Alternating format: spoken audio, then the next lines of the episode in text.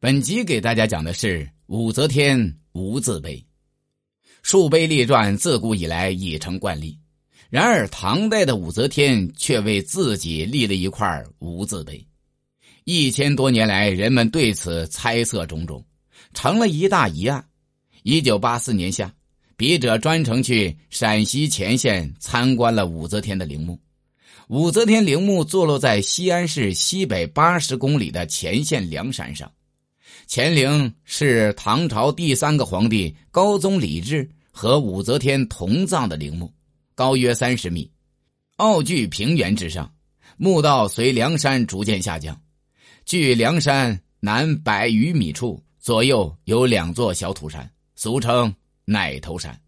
由墓道往下走，两旁排列有真人大小的石雕群像，武则天碑和唐高宗碑并列一处。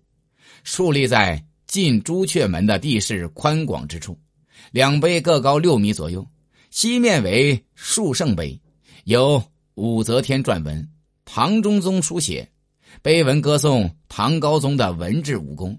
东面就是武则天的无字碑，无字碑看上去并非无字，上面密密麻麻刻有好多文字，但仔细观察，则是宋金以来人们的题石。估计是他们不耐无字之憾而填补的。由于日晒风化，字迹大多模糊不清。但不管怎样，他并没有说清武则天立无字碑的用意。看来要真正搞清这个问题，还得追溯到武则天执政年代以及人们对她一生的评价。武则天从六五五年做皇后开始参决政事，到七零五年被迫退位。前后参与和掌握最高权力达五十年之久，如果从唐高宗死时算起，也有二十一年。武则天是我国历史上唯一的女皇帝，对她的评价素有分歧。有人因她知人善任，赞赏她的智慧；有人以她做事果敢，钦佩她的勇气；也有人根据她阴质好杀，咒骂她的残暴。还有人因他内多男宠，痛斥他的荒淫。后人对他立无字碑的用意，也是根据评价其功过的倾向而推测的。大致有以下几种看法：其一，武则天立无字碑是用以夸耀自己，表示其功高德大，非文字所能表达。其表现在第一，扶植新兴地主阶级，打击豪门士族。他通过发展科举制度，大量吸收新兴地主进入政治舞台，抑制和削弱豪门对政坛的垄断。第二，奖励农桑，兴修水利，减轻徭役和整顿均田制，使社会经济不断发展，民户数不断增长。第三，破格用人，鼓励各级官吏举荐人才，并虚心纳谏，故累朝得多士之用。第四。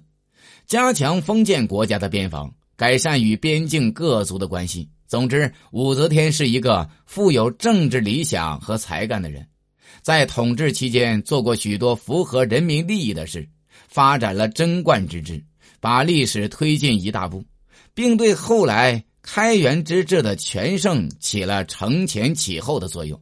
其功绩难以用文字表达。其二。武则天立无字碑，是因为自知罪孽太大，感到还是不写碑文为好。第一，武则天以阿谀奉承的手段骗取高宗信任，从地位较低的才人爬到掌握大权的皇后，最后窃据皇位。第二，培养党羽，建立宫廷奸党集团，并打着李唐朝廷的旗号消灭异己。第三，任用酷吏。实行告密和滥行的恐怖政策。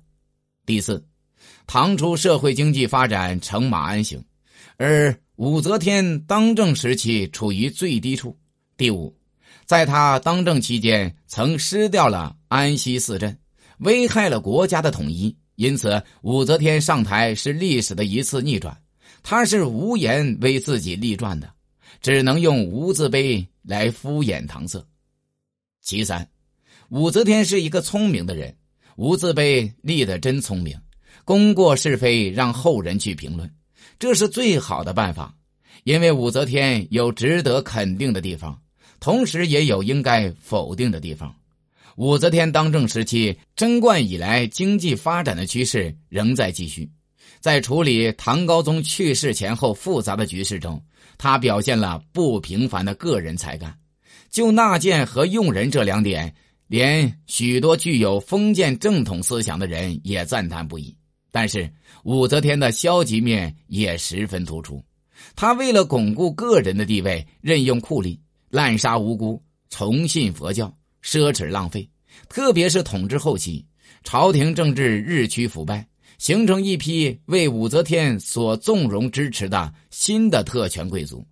武则天逝世当年，已被迫交出权力，还政于唐中宗。他知道自己的一生，人们会有各种各样的评价，碑文写好写坏都是难事，因此决定立无字碑，功过是非由后世评说。武则天立无字碑，为后世人出了道难题，至今人们仍争论不休，难断其故。本集已经讲完，欢迎订阅。